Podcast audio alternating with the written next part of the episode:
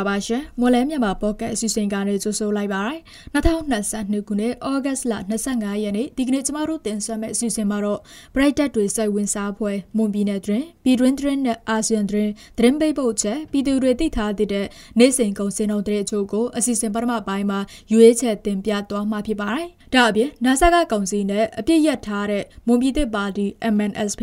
ဒီမိုကရေစီအကျိုးပြုကရစ်တပ်မတော် DKBA ကရအမျိုးသားအစည်းအရုံးကရအမျိုးသားလွတ်မြောက်ရေးတပ်မတော်ညမ်းချရေးကောင်စီ KNU KNLAPC တို့ဒုတိယကြိမ်ညမ်းချရေးဆွေးနွေးမယ်ဆိုတဲ့သတင်းပေးပုတ်ချက်ကိုလည်းတင်ဆက်ပေးမှာပါ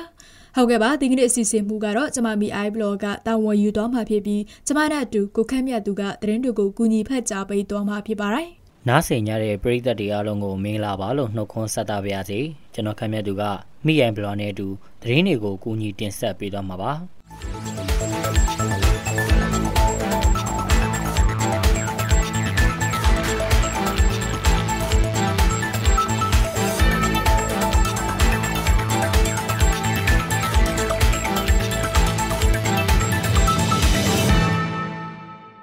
ကွန်ရက် Facebook ပေါ်ကချိန်ချောက်မှုတွေကြောင့်ရေးမြို့နယ်ရှိအစိုးရစာတင်ကျောင်းအချို့အခုလအတွင်းကျောင်းပုံမှန်မဖွင့်လှစ်နိုင်ဘူးလို့သတင်းအရသိရှိရပါတယ်။ကျောင်းဖွင့်ပေမဲ့ကျောင်းပြက်ကွက်သူဥယျာဉ်များလာတာကျောင်းချိန်အတွင်းကျောင်းသားမိဘတွေအိမ်ပြန်ခေါ်သွားတာတွေနဲ့ကောလာဟာလာသတင်းတွေကြောင့်ဆရာဆရာမတွေအနေနဲ့ကျောင်းဆိုင်ဝတ်စုံကိုပင်ဝတ်ဆင်ဖို့ဝန်လေးလာတာရှိနေတယ်လို့မော့ကနင်ကျေးရော်မှဆရာမတို့ကဆိုပါတယ်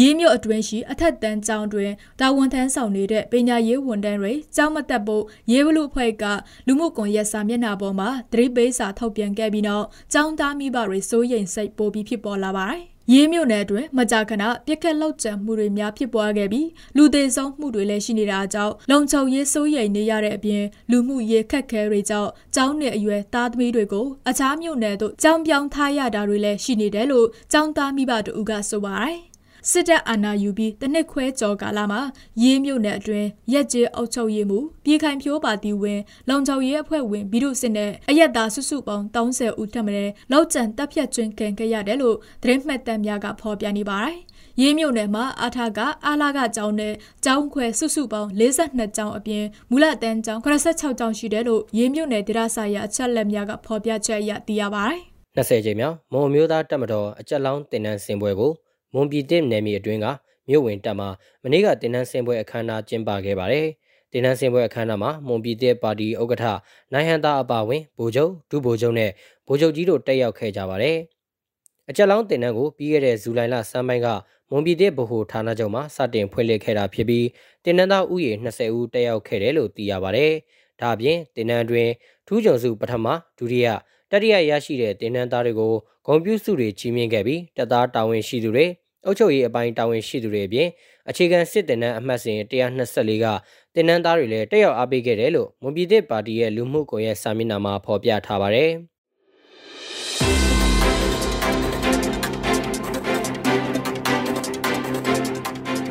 ကျမတို့ရဲ့မလန်းမြန်မာဖောက်ကမြန်မာဘာသာစီစဉ်ကိုအားပေးနားဆင်ကြတဲ့ပရိသတ်များရှင် ကျမတို့အတန်လို့စီစဉ်ကနေပြီးတော့မွန်ပြည်နယ်မှာဖြစ်ပျက်နေတဲ့သတင်းများပြည်တွင်းငင်းချဲရေးဖြစ်စဉ်များပြင်မြန်မာနိုင်ငံတွင်းနဲ့အာဆီယံတွင်းများကိုအပတ်စဉ်တင်လာနေမှတောကြနေများတွင်ည9:00နာရီအချိန်တွင် Mon New Agency Facebook စာမျက်နှာတွင်ဝင်ရောက်နားဆင်နိုင်လို့မလန်းမြန်မာဖောက်ကစာမျက်နှာတွင်လည်းဝင်ရောက်နားဆင်နိုင်ပါပြီအားပေးကြတဲ့ပရိသတ်များအားလုံးကိုကျေးဇူးတင်ပါတယ်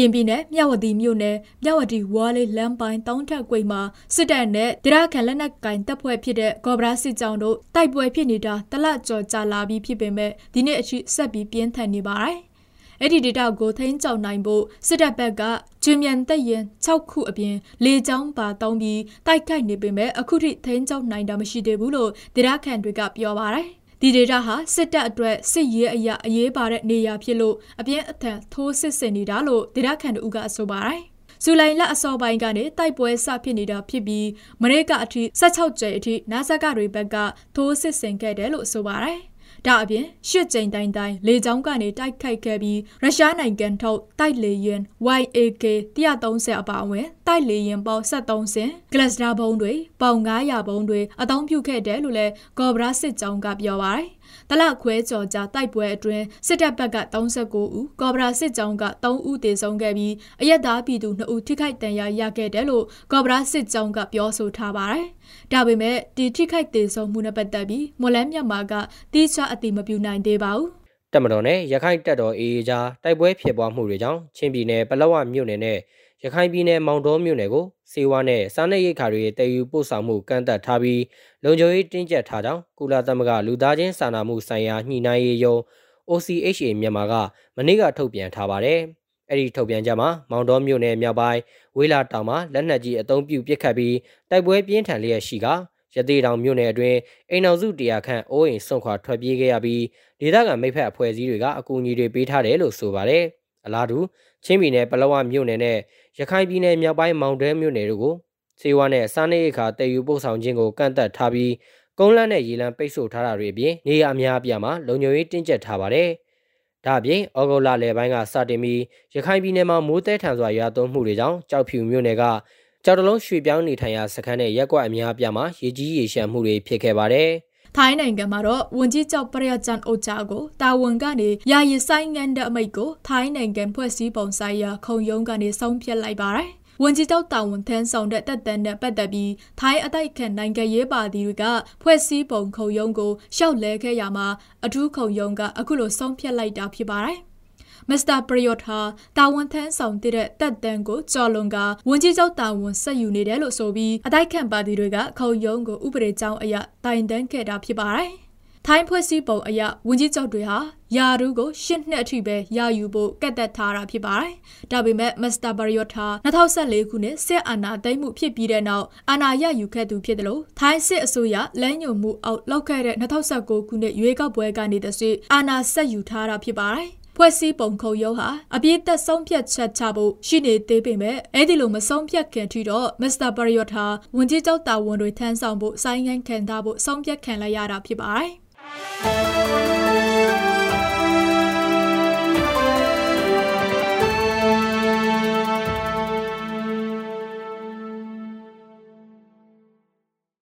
ဟုတ်ကဲ့ပါဆက်လက်ပြီးတော့ပြည်သူတွေသိထားတဲ့နေ့စဉ်ကုန်စင်တော်တဲ့အချို့ကိုမော်လမြိုင်ကော်စီရိုင်ကအချက်လက်တွေကိုအခြေခံပြီးကျွန်မကတင်ဆက်ပေးပါအောင်မယ်ဒီကနေ့ထိုင်းနဲ့မြန်မာငွေလဲနှုန်းကတော့ထိုင်းဘတ်82ဝယ်ဈေးရှိပြီးရောင်းဈေးက85ရှိနေပါတယ်ဒေါ်လာဈေးကတော့အမေရိကန်ဒေါ်လာကိုဝယ်ဈေးမြန်မာငွေ2965ရှိပြီးရောင်းဈေးက1000ရှိနေပါတယ်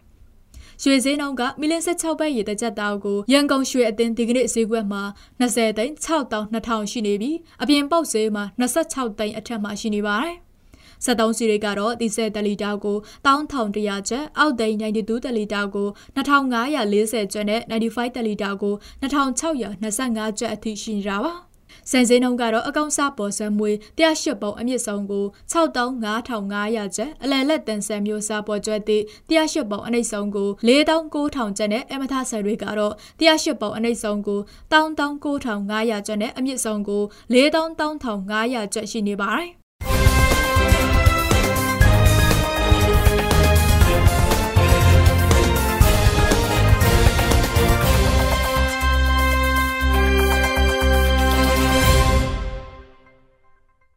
အခုတင်ဆက်ပေးသွားတာကဩဂတ်လ25ရက်နေ့မှာဖြစ်ပျက်ခဲ့တဲ့မွန်ပြည်နယ်တွင်ပြည်တွင်းတွင်းနဲ့အာဆီယံတွင်းတွေပြင်တနိတာစီစေးငွေစေးနဲ့ကောင်စင်းနှုန်းတွေကိုတင်ဆက်ပေးသွားတာဖြစ်ပါတယ်။ဆက်လက်ပြီးတော့ NASA ကကောင်စီနဲ့အပြည့်ရထားတဲ့မွန်ပြည်သစ်ပါတီ NMSP ဒီမိုကရေစီအကျိုးပြုကရက်တမတော် DKBA ကရက်မျိုးသားစီယုံကရက်မျိုးသားလွှတ်မြောက်ရေးတမတော်ငြိမ်းချမ်းရေးကောင်စီ KNU KNLAPC တို့ဒုတိယကျငြိမ်းချမ်းရေးဆွေးနွေးမယ်ဆိုတဲ့သတင်းပိတ်ပုတ်ချက်ကိုစရာဦးနုံကတင်ဆက်ပေးပါမယ်ရှင်။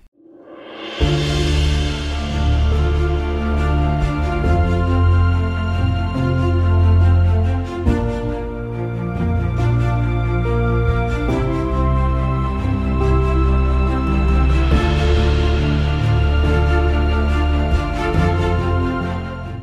ဆကကောင်စီနဲ့အပြစ်ရထားတဲ့မွန်ပြည်သစ်ပါတီ NNSP ဒီမိုကရေစီကြိုပြုကရင်တမတော် TKPA ကရင်မျိုးသားစီယောင်ကရင်မျိုးသားလူမျိုးရေးတမတော်ငင်းချမ်းရေးကောင်စီ KMU KNLAPC တို့ဒုတိယကျင်းငင်းချမ်းရေးဆွေးနွေးမှာဖြစ်ပါတယ် နာဆာကကောင်စီပထမအကြိမ်အနေနဲ့တဖွဲ့ချင်းတွေ့ဆောင်ဆွေးနွေးမှုပြီးခုခါမှာတော့တောင်းဖွဲ့တအုပ်စုနဲ့ဒုတိယကြိမ်တွေ့ဆောင်ဆွေးနွေးတာဖြစ်တယ်လို့ငင်းချမ်းရေးလုပ်ငန်းစဉ်ဦးဆောင်ဖွဲ့ PPSD မှပြောခွင့်ရပေါက်ကိုပုံမှုကြီးစောကျော်ညိုကပြောပါတယ်ကျွန်တော်အဲ့ဒါလည်းဒီကြတော့ confirm တော့မဖြစ်သေးဘူးတိုးတော်လည်းပဲကျွန်တော်တို့ဒီ New Moon State Party ရဲ့ဒီ TBE ရဲ့ CNU KNLPC တို့ဟို ကြိုတင်ပြီးတော့ဟိုအကြောင်းကြားစာတော့ပြီးဖို့တာရှိတယ်ဟိုဒုတိယအကြိမ်နဲ့အဲဒီလိုမျိုးသုံးဖွဲ့နဲ့ ပြန်လဲဆွေးဆုံဖို့ဆိုတာဟိုစီမံဆောင်ရွက်တာကရှိတယ်ဆိုတဲ့အကြောင်းပေါ့လေ ဒါပေမဲ့ တကယ်သွားရမယ့်နေ့ဒီပါဒီဟိုကွန်ဖန်ဖြစ်တဲ့အခါကျရင်လည်း တပတ်ချူတင်ပြီးတော့ အကြောင်းကြားမယ်ဆိုတာတော့ဟိုချူတင်အသိပေးရတာတော့ ရှိတယ်ခင်ဗျာ လက်ရှိမှာနာဆာကကောင်စီပုတ်မျိုးသားလူမျိုးရေးဖွဲ့ကြောင့် PNLO ရခိုင်ပြည်လူမျိုးရေးပါတီ AFP လာဟူဒီမိုကရက်တစ်စီယောင် ADU တို့အောက်ကောက်22ရက်မှ26ရက်နေ့အထိတွေ့ဆုံဆွေးနွေးနေပါတယ်။အဆိုပါတွေ့ဆုံဆွေးနွေးမှုပြီးနာဆာကကောင်စီဟာ NNSP DKBA KMU KNLAPC တို့နဲ့တွေ့ဆုံဆွေးနွေးမှာဖြစ်ပါတယ်။ နိုင်ငံရေးချက်တဲ့ကိုဖြည့်ရှင်းဖို့သက်ဆိုင်သူအားလုံးပါဝင်နိုင်တဲ့ငြိမ်းချမ်းရေးခင်းချင်းဖြစ်ဖို့လိုအပ်တယ်လို့မြန်မာနိုင်ငံလုံးဆိုင်ရာចောင်းသားများဒီမိုကရက်တစ်တပ်ဦး ABSDM မှပြောရေးဆိုခွင့်ရှိသူရဲဘော်အေးလွင်ကပြောပါတယ်။တိုင်းပြည်ကငြိမ်းချမ်းကျင်တယ်ဆိုရင်တော့အခုစစ်တပ်ကနေပြီးတော့တိုင်းသားဒေသအထူးသဖြင့်တော့ဒီကရင်တို့ချင်းတို့ကရင်နီတို့နောက်တစ်ခုကကျွန်တော်တို့ကချင်တို့နောက်တော့ မြေပြန့်ဒေသဖြစ်တဲ့စစ်ကိုင်းတို့မကွေးတို့မှာထိုးစစ်ဆင်နေတဲ့ဟာတွေနောက်ပြီးတော့အကြမ်းဖက်မီးရှို့သတ်ဖြတ်နေတဲ့ဟာတွေကိုရပ်တန်းကရပ်ဖို့လိုတယ်ဗျ။အဲဒါကလည်းကျနော်တို့ရှိနေတဲ့မြန်မာနိုင်ငံသူနိုင်ငံသားအားလုံးအဖွဲ့အစည်းအားလုံးတောင်းဆိုနေတဲ့အပြင်ကိုနိုင်ငံတကာမိသားစုလူထုတွေကလည်းတောင်းဆိုနေတဲ့အစိတ်အပိုင်းတွေရှိပါတယ်အဖွဲ့အစည်းတွေကလည်း။အဲဒါကိုတော့နားထောင်ပြီးတော့ကျနော်ထင်တယ်ဆောင်ရွက်မယ်ဆိုရင်တော့ကျနော်တို့တိုင်းပြည်ရဲ့ငြိမ်းချမ်းရေးကကျနော်တို့ လမ်းပေါ်ပြန်ရောက်လာမယ်လို့ကျွန်တော်တို့အဲ့လိုပဲယုံကြည်ပါတယ်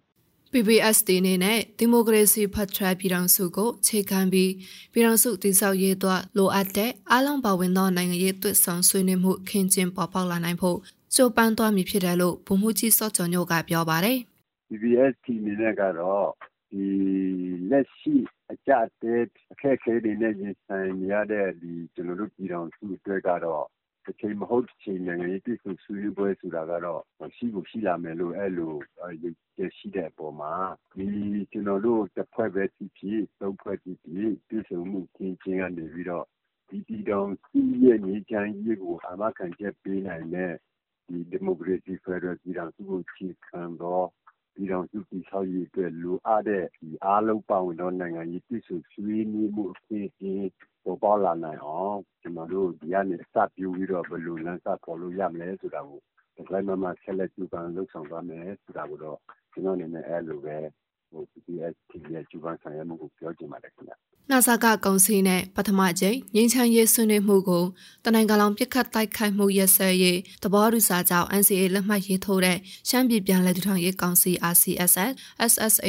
NNSB TKBA ALB KMU KNLABC PNL ADU တို့မှခေါင်းဆောင်များတက်ရောက်ဆွေးနွေးထားတာဖြစ်ပါတယ်။ အလားတူ NCA မရေးထိုးရတဲ့ဝက်ပြည်သွေးစီညိုရေးတမတော် UWSA မြို့သားဒီမိုကရေစီမဟာမိတ်တမတော် NDAA မိုင်လာဖွဲ့ရှမ်းပြည်တိုးတက်ရေးပါတီ SSPB SSA တို့မှကောင်းဆောင်တွေလည်းနာဆာကကောင်စီနဲ့တွေ့ဆုံဆွေးနွေးထားကြပါရရှင်။